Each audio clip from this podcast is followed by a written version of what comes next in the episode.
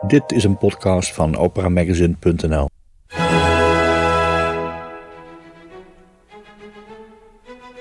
Sinds februari is Wout Koeken intendant bij Opera Zuid. Zijn komst markeerde een nieuwe fase voor het operahuis in het zuiden. Vorig jaar nam Miranda van Kralingen na ruim 12 jaar afscheid en dreigde het einde van Opera Zuid na een negatief advies van de Raad voor Cultuur. Er kwam een nieuwe subsidieaanvraag en die was helder, vond de Raad. En men constateerde een scherper artistiek profiel. Dat maakte de weg vrij voor de aanstelling van een nieuwe intendant. We zijn in Maastricht. Op tafel liggen partituren, planningsschema's en boeken. Aan de wand posters van vorige producties. Er is zo te zien niet veel aan de Kamer veranderd sinds Wout Koeken daar in februari zijn intrek in nam. Maar één ding moest mee. Wat vanaf dag één op mijn tafel staat, is de foto van mijn dochter Louise. Die moest wel mee. Voor naar die moest mee. Ja, daar stond zij zelf ook op. Ik ben er heel blij om natuurlijk. Een voortdurende inspiratie. Waarom hij voor Opera Zuid koos, komt in het gesprek aan de orde. Waar het heen gaat met het Maastrichtse Operahuis en helemaal aan het einde onthult Wout Koeken namen en titels van de komende seizoenen. Maar eerst terug naar de basis, zijn inspiratie. Als we op tafel hier een denkbeeldig stapeltje maken van de boeken, de cd's die jou hebben geïnspireerd tot nu toe in je loopbaan, wat zou daar dan komen te liggen? Wel, één, van de meest inspirerende boeken ligt niet eens op een eh, denkbeeldig stapeltje, ligt ook echt daar eh, op het stapeltje voor u. Dat is de autobiografie, een brief van Giuseppe Verdi. Ah ja. Eh, Verdi was, eh, om het zo te zeggen, mijn, mijn, mijn eerste grote liefde in opera. Dus de eerste opera die ik ooit hoorde was eh, Macbeth van Verdi. Dat was echt een, een goed voeder voor mij. Een, complete bliksemschicht en eh, instant, instant verliefdheid bijna. Wat was dat? Dat kun je nu misschien analyseren na al die jaren. Wat was die verliefdheid die toen uitbrak? Ehm, wel, ik heb altijd ontzettend veel van muziek gehouden en ik was in die jaren ook een, eh, een fervente theaterganger. En ik was een van die mensen voor wie opera eigenlijk een ver weg gebeuren was. Ehm, een beetje een vreemde wereld. Eh er hing toen ook nog dat aura rond van oudbolligheid, van eh, deftigheid. Van...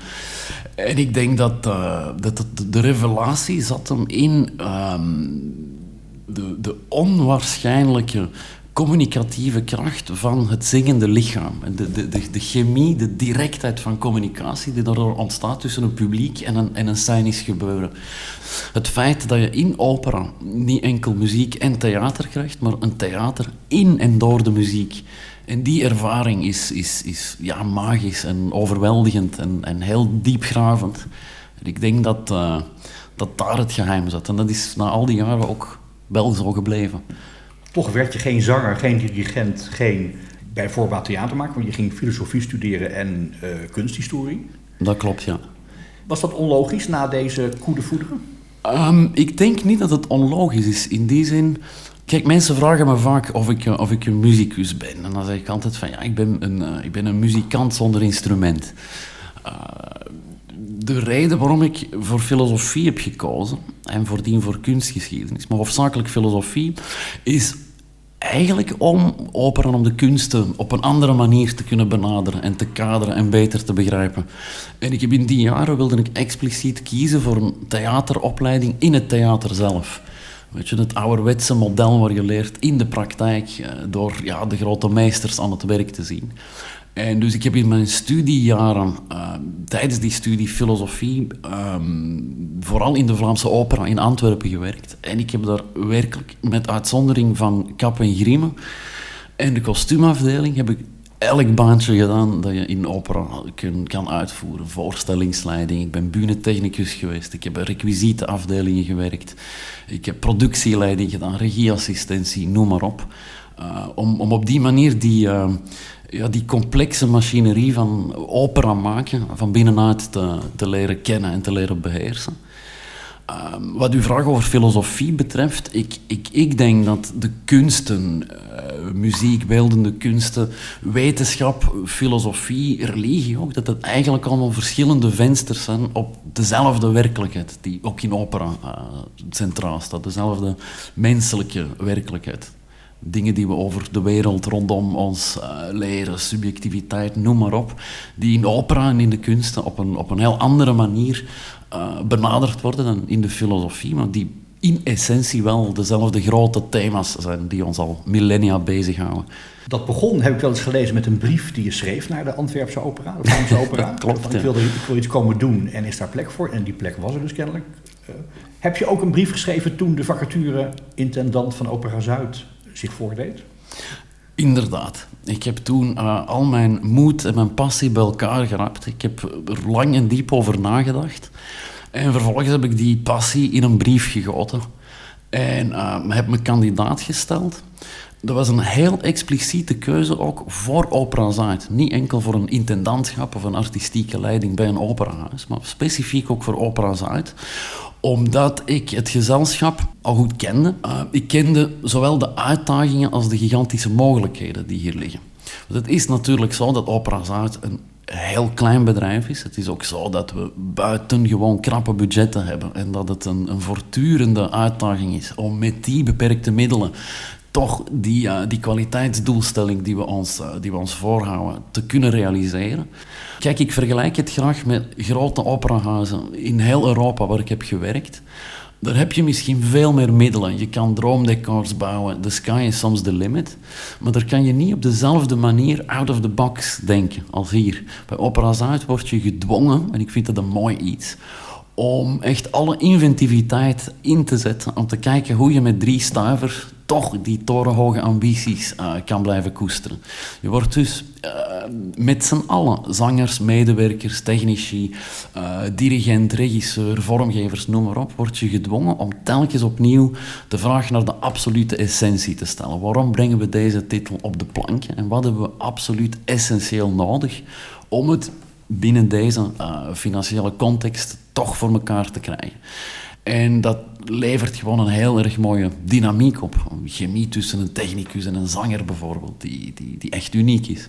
Ik moet toch even zagrijnen, want uiteindelijk kwam je aan in een organisatie die net flink om zijn oren had gekregen van de Raad voor Cultuur. Die juist helemaal niet zo die uh, urgentie zagen, die jou zelfs zeiden dat de artistieke kwaliteit vraag opriep. Je hadden vraagtekens bij, bij dat element, ze hadden vraagtekens bij de programmering, aantal bezoekers, eh, het leiderschap. En je kreeg dus ook, stel ik me zo voor, een, toch een beetje een bagage mee van al die bezwaarpunten van de Raad voor Cultuur, die uiteindelijk in het nieuwe plan, wat door jouw voorganger Stan Paardenkoper, de, de interim intendant, is gemaakt. Maar het lijkt me niet makkelijk om in zo'n iets wat getergde organisatie op 3 februari je eerste dag te hebben. Uh, dat is ook zo, maar je moet natuurlijk altijd naast het negatieve ook het positieve zien. En het, het is natuurlijk zo dat er, uh, dat er bagage was, maar bij die bagage, dat moet ook wel gezegd worden, zaten ook heel erg mooie dingen. Dus de uitdaging was om, um, om toch ook vooral te focussen op uh, het positieve.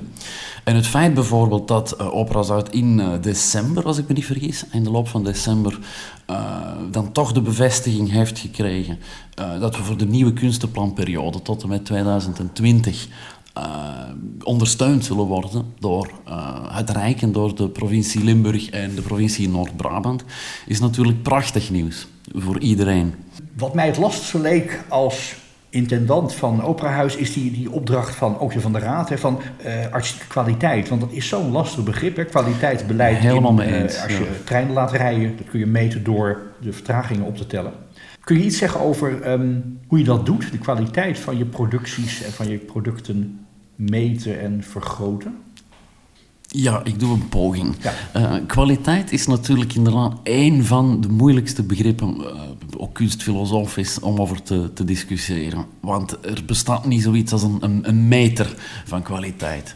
Uh, je kan, je kan een, een, bepaalde stem bijvoorbeeld niet aan een soort van metrische test onderwerpen om nou te bewijzen wat de kwaliteit van die, van die stem is. In opera in het algemeen is het een, een heel erg illusief begrip. kwaliteit.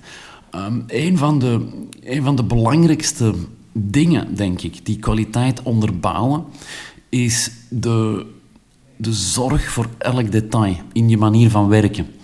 Uh, dat betekent, hier wordt zes, zeven weken lang heel erg intensief uh, gerepeteerd. En bij de repetities wordt er echt aandacht besteed aan elke rust, aan elke komma, aan elke nuance in de, in de partituur als het budget het ook maar enigszins toelaat, sta ik erop dat we taalcoaching kunnen voorzien, dat we aparte muzikale coaching hebben om, om, om, om echt in de diepte te kunnen gaan werken. En dat is natuurlijk, ehm, dat is iets, ik ben ervan overtuigd dat een publiek dat ook voelt. Je kan het niet meten, maar het is, het is voelbaar. Ehm, dat, is, dat is één belangrijk aspect. Een, een ander aspect is, ehm, als je bijvoorbeeld kijkt naar ehm, regie, daar, daar, kan ik een en ander over vertellen, omdat het, omdat het mijn vak is. Gedaan, ja. Precies. Je kan de kwaliteit van een regie niet afmeten aan de, de, de kwantiteit van je middelen. Dat is, dat is een grote uitdaging.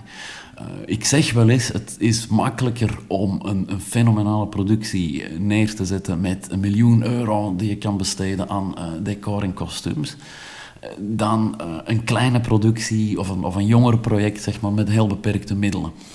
Um, daar geldt dezelfde zorg voor elk detail, de investering om echt in de diepte te gaan en om je voortdurend de vraag te stellen: hoe communiceer ik zo eerlijk en zo authentiek mogelijk met een publiek. Inventiviteit is daar een, belangrijke parameter in. Ook weer zoiets dat niet meetbaar is. Hoe inventief is nou deze regielezing uh, ten opzichte van een andere? Dus het is heel moeilijk om daarover te praten.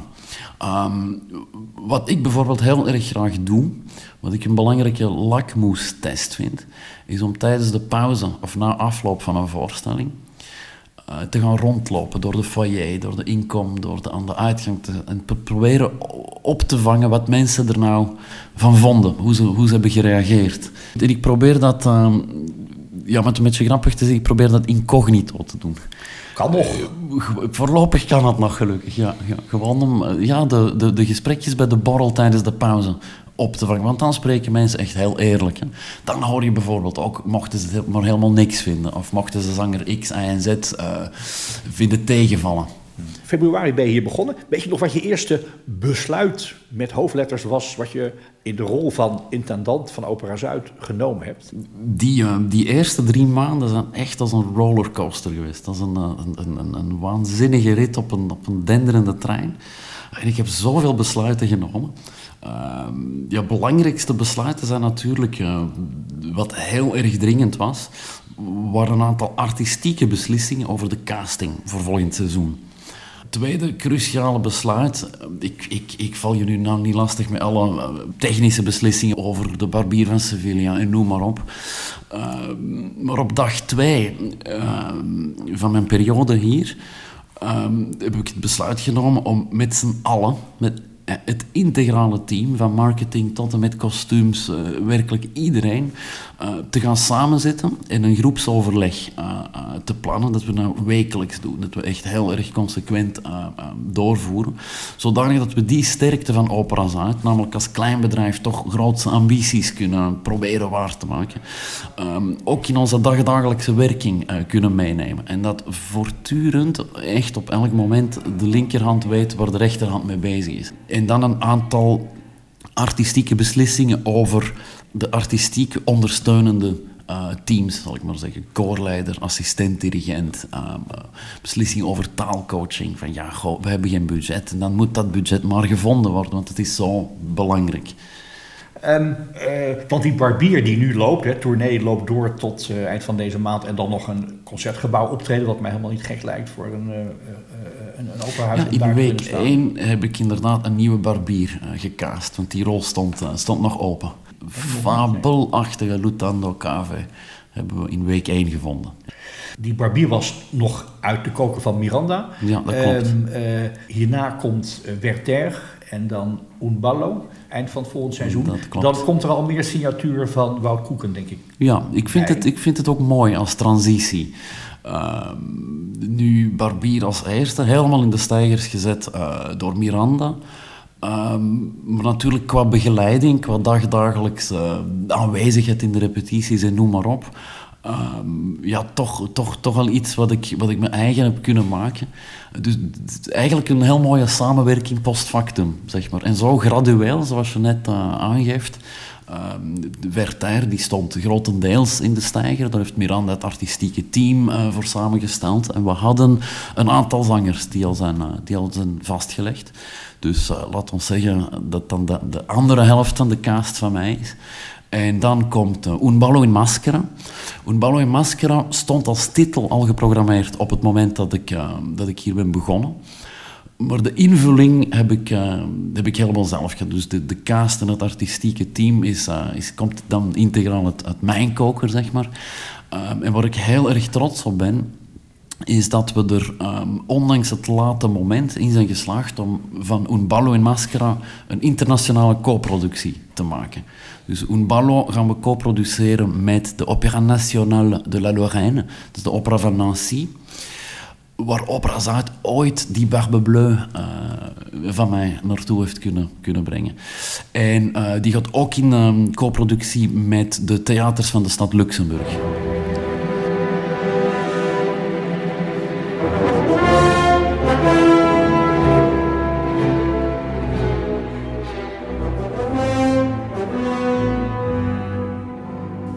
Nieuwe ambities, hè, die staan op de website. En dat zijn de, de ambities die zijn geformuleerd door het bestuur en door de dat klopt, toezicht. En waar, je, waar, jij de vorm aan gaat geven. Verrassend repertoire. Umballo is in elk geval in die zin verrassend dat het al lang niet meer in Nederland gegaan is, volgens mij. Dat klopt, ja. Mijn hoofd zit vol titels. en ik heb er ook een, een, een, lijn in gemaakt. Ik vertel altijd, uh, kijk, programmeren in twee titels is natuurlijk ontzettend moeilijk. Het is zoals een je moet een keuze maken uit, uit, uit duizenden meesterwerken, die elk hun belang hebben en die elk hun, bestaansreden en noodzaak hebben.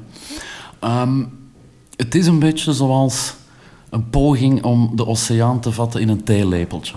Dus wat ik probeer te doen, is ten eerste ook kijken binnen elk seizoen er een, mooie, een mooi evenwicht tussen die twee titels. Uh, qua stijlperiodes, qua taal, qua genre, uh, balans tussen het tragische en het komische, noem maar op. Uh, een andere evenwichtsoefening is natuurlijk ook onze ambitie en onze plicht om een zo breed mogelijk publiek aan te spreken. Om voortdurend ook op zoek te gaan naar nieuwe publieken die we naar de Schouwburg kunnen, kunnen, kunnen halen om ze ja, te doen voelen hoe, hoe, hoe prachtig en magisch en belangrijk opera kan zijn. Ik heb uiteraard als deel van mijn, van mijn kandidatuur een artistiek plan uh, voorgelegd uh, tot en met 2020. Um, en ik heb het toen voor de selectiecommissie een hypothetisch plan genoemd. Met dat plan heb je een artistieke visie, maar ik vond het heel erg belangrijk om in dialoog te kunnen gaan met verschillende partners en stakeholders. Het orkest bijvoorbeeld. De verschillende theaters waar we, waar we te gast zijn. Um, voor hen is het natuurlijk ook um, spannend en interessant om een, uh, om, om een blik in, een, in, in die keuken te kunnen werpen en om te kijken Ehm, wat wij voorstellen, ook om te kijken of er eventueel clashes zijn met dingen die ze graag willen uitnodigen van andere uh, gezelschappen. En last but not least is het natuurlijk ook belangrijk om nog voldoende openheid te hebben voor co-productiemogelijkheden. Ehm, als mij morgen iemand belt of ik ga in dialoog met een, met, met een, met een spannend operahuis die een mooi plan hebben, dan zou het jammer zijn om je niet ervoor te kunnen openstellen omdat je je eigen plan al hebt. Dus die, die parameters spelen allemaal een, uh, een rol.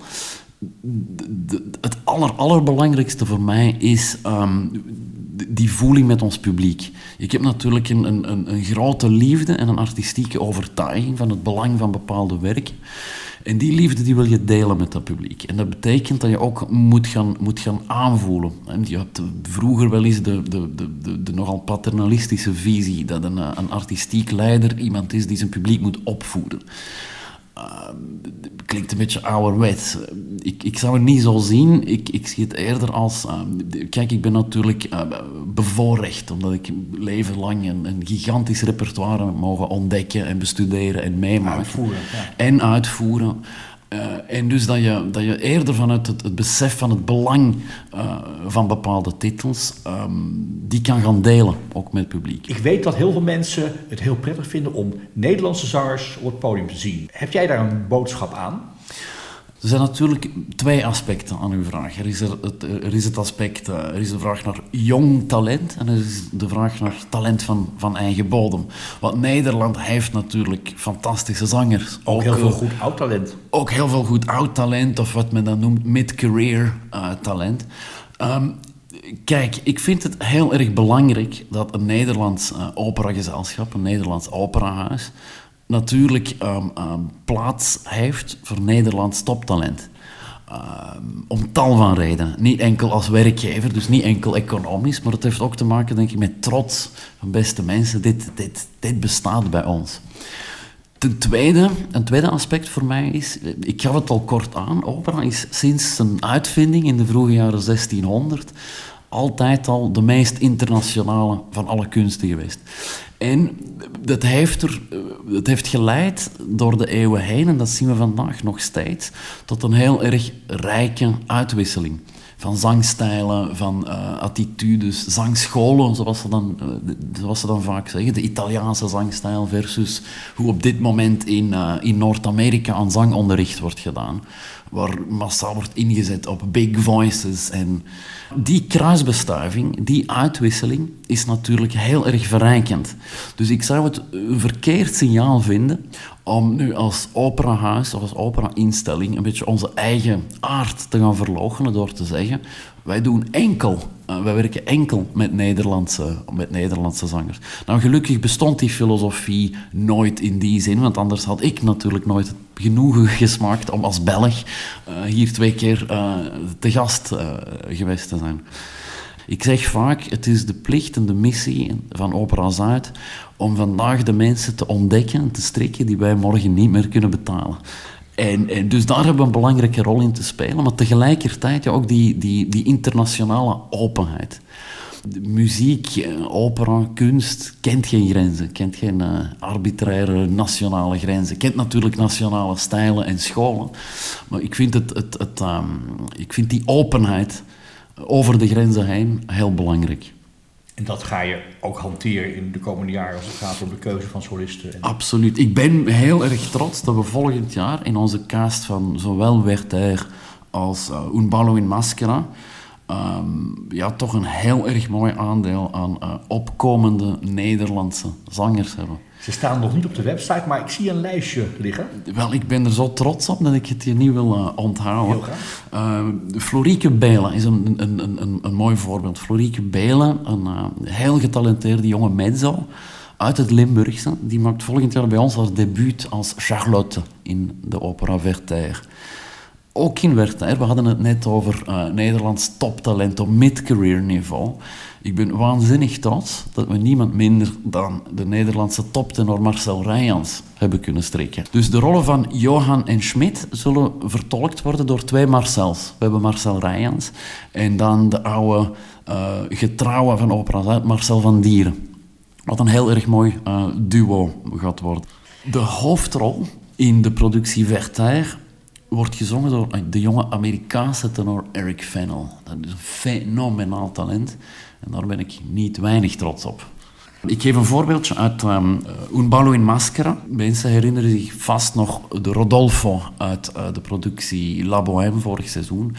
Uh, Adriano Graziani zal voor ons de rol van Gustavo zingen. Dus de, uh, ook een debuut voor hem. Een echte Italiaan. Die, de, de, rol van Gustavo, de hoofdrol in Ballo in Maschera, is natuurlijk geknipt voor, voor Adriano.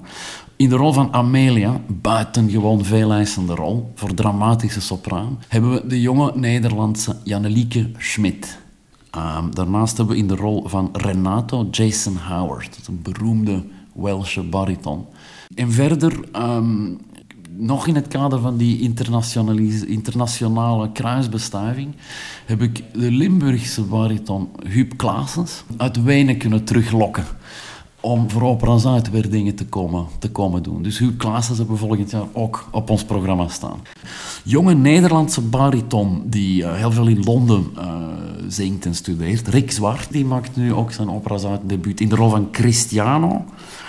Dus zo zie je maar, opera kent geen grenzen. We kunnen het hebben over beleid, maar het gaat ook om de namen die op het podium staan. De namen die ook regisseren, want laten we niet vergeten, Werther wordt door Sibrand van der Werf geregisseerd. Mhm. En Unballo, wie gaat dat regisseren? Wel, Un ballo in Masker wordt een uitzondering op de regel. In die zin dat dat een regie zal worden van mijn hand. Ik wou net zeggen, dat komt er vast aan, ja. Ja, precies.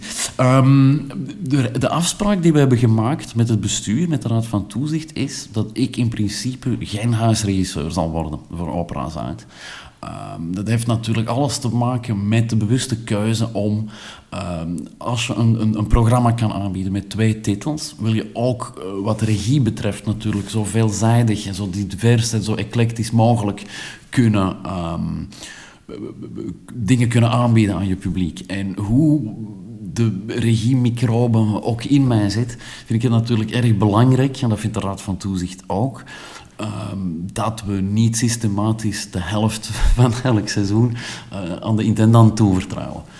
Uh, Miranda had me al gepolst of ik graag met. Het zal ook gedirigeerd worden door Karel de Seure. Uh, die we ook kennen van La Bohème. Die we ook kennen van La Bohème. En het was toen Miranda's idee om hetzelfde artistieke team uh, met Verdi aan de slag te laten gaan. Je hebt al iets gezegd over hoe je regisseert. Hè? Stap A, het lezen, oriënteren, beelden, veel beelden gebruiken. Heb je stap A voor Un Ballo al gedaan of moet dat nog beginnen? Stap A is eigenlijk vooral... Um, um, voelen. Je echt, je echt in het, proberen in het universum van zo'n werk uh, uh, ja, dat echt te laten binnendringen, je erin onder te dompelen. En, van daaruit natuurlijk lezen, studeren, referenties zoeken, associaties tot stand brengen. Um, stap A is uiteraard gezet. Mascara is een, werk dat ik erg goed ken en waar ik altijd bijzonder veel uh, van heb gehouden. Het is denk ik, het is een typische Verdi en tegelijkertijd heel uniek binnen dat uiveren van Verdi. Het is een, werk met zoveel eigen uh, klanksfeer, zoveel eigen... Um, um, Zo'n specifieke identiteit. De dramaturg is ook een meesterwerk, een absoluut meesterwerk. Um, het lezen, ook dat is nu evenwichtskunst natuurlijk. Opera Zuid is uh, 15 uur per dag, 7 dagen per 7. Dus um, un ballo in maskera lectuur is s'nachts soms. Ja. Ja, precies. Ik, ik kom eraan. Ja. En dan is de tijd eigenlijk op. Er wacht alweer iemand voor een volgende afspraak. Maar dan wint de trots op de programmering het van de discretie en onthult Wout Koeken nog een paar titels. Toch maar dat volgende seizoen even, dat seizoen 18, 19. Wel, dan, dan gun ik u graag een, uh, een, een, kleine blik al uh, achter, achter de slayer. Ik wilde graag natuurlijk nog wat verrassingen in petto halen. Ik zal het niet doorvertellen. um, voor het seizoen 2018-2019. Mijn grote droom is om uh, in het najaar van 2018, in het kader van de Leonard Bernstein Centennial, Leonard Bernstein zal dan 100, zijn honderdste verjaardag vieren. Uh, het is mijn grote droom om A Quiet Place te doen. Dat is een werk dat sinds de late jaren 80 niet meer in Nederland uh, is uitgevoerd. Het is een fenomenaal meesterwerk. Het is zo waanzinnig mooi. Het is ook Bernsteins enige avondvullende opera. Hij is natuurlijk waanzinnig bekend van de Candide en van uh. De topwerk als West Side Story. Maar in, uh, met The Quiet Place wilde Bernstein A Real American Opera schrijven. En dat is hem fenomenaal gelukt. Het is tevens zijn laatste werk uh, voor de bühne. En een van de dingen die aan uh, Quiet Place zo buitengewoon interessant en mooi zijn, is dat hij het oorspronkelijk heeft bedacht als sequel op zijn iets bekendere stuk Trouble in Tahiti. A Quiet Place was oorspronkelijk bedacht als de sequel. Hoe zou het nu gaan met die mensen 30 jaar later? En dan krijgen de dingen een veel tragischer wending. Het is heel erg herkenbaar. Het gaat over mensen van nu. Het gaat over een familie. Het gaat over een gezin. Het gaat over moeilijke communicatie. Het gaat ook over hoop en verzoening. En wat heeft Bernstein nou gedaan toen hij het werk herwerkte voor de Scala in 1984? Is hij op het, in mijn opinie, geniale idee gekomen om Trouble in Tahiti in A Quiet Place te verwerken. Als een soort flashback scène van mensen die terugkijken op hoe het vroeger was. En dat is geniaal, niet enkel dramaturgisch, maar dat zorgt er ook voor dat we nu een partituur hebben die qua muzikale stijl buitengewoon breed en gevarieerd is. Trouble in Tahiti met zijn uh, jazzy tunes en zijn, en zijn uh, ja, erg uh, Broadway-achtige klanken. Fenomenaal. Momenten ook van comic relief. Het is erg grappig. Terwijl A Quiet Place veel persoonlijker is. Het, het, het, heeft een diepe melancholie, maar het eindigt met die prachtige verzoening. En ik hoop daarmee een, een, een, een, een groot, een nieuw publiek, talrijk naar de Schouwburg te kunnen krijgen. Uh, mensen die uh, Leonard Bernstein wellicht kennen als uh, musical-componist en die vanuit hun interesse in musical zullen komen ontdekken hoe fantastisch opera kan zijn. Het is voor ons een gigantische uitdaging, voor ons en onze partner, de, de Philharmonie Zuid-Nederland. Want we hebben natuurlijk uh, te maken met een componist wiens estate uh, nog volop met de rechten bezig is. Het is eigenlijk een, een, een, een gigantische bezetting die niet zomaar in elke orkestbak past van de steden die wij, die wij bezoeken. Dus ik, ik hoop dat dit lukt. Kort over, van, nee, over de titel van Offenbach, ik zei hem bijna. Wel, in de lente wilde ik heel graag naast de, de tragedie A Quiet Place een, uh, een comedie zetten. Uh, en mijn keuze is gevallen op Fantasio van Jacques Offenbach. Het is een van de absolute topwerken van, uh, van Offenbach. Ook omdat hij het gebaseerd heeft op een tekst van Alfred de Musset. Dus je krijgt ook literair een absolute topkwaliteit. Ik denk dat we ook daar een heel, publiek, een heel mooi publiek mee zullen kunnen aantrekken. Niet in de laatste plaats, omdat de meeste mensen, zonder het te weten, al muziek kennen uit Fantasio. Het is namelijk zo dat postuum voor, uh, op het moment dat Le Conte of Man de, de partituur vervo vervolledigd moest worden, muziek uit Fantasio is genomen om Le Conte of Man te kunnen completeren. Dus sommige heel beroemde Offenbach muziek kennen de mensen zonder te weten dat ze hem kennen. Kunnen we constateren dat ook 1819 een mooi seizoen wordt en dat je daar nog heel, heel veel werk aan hebt? Uh, beide conclusies zijn juist. Ik denk dat het een prachtig seizoen wordt. Ik, ik, ik verheug me. En ik verheug me ook op dat vele werk. Uh, de, de, het intense werk dat we nu uh, met, de, met de Philharmonie Zuid-Nederland uh, aangaan, bijvoorbeeld, om te kijken naar wat kan op het niveau van orkestbezettingen, implantaties in orkestbakken, etc. En ik verheug me nu al op de, op de casting die in de stijgers begint te komen. Daar kom ik weer graag voor terug om dat even te horen van je. Wout Koeken, heel veel dank en heel veel succes de komende jaren bij Opera Zuid. Dank je wel.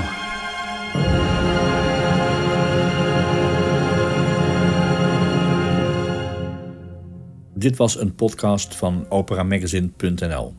Al het opera nieuws vindt u iedere dag op www.operamagazine.nl.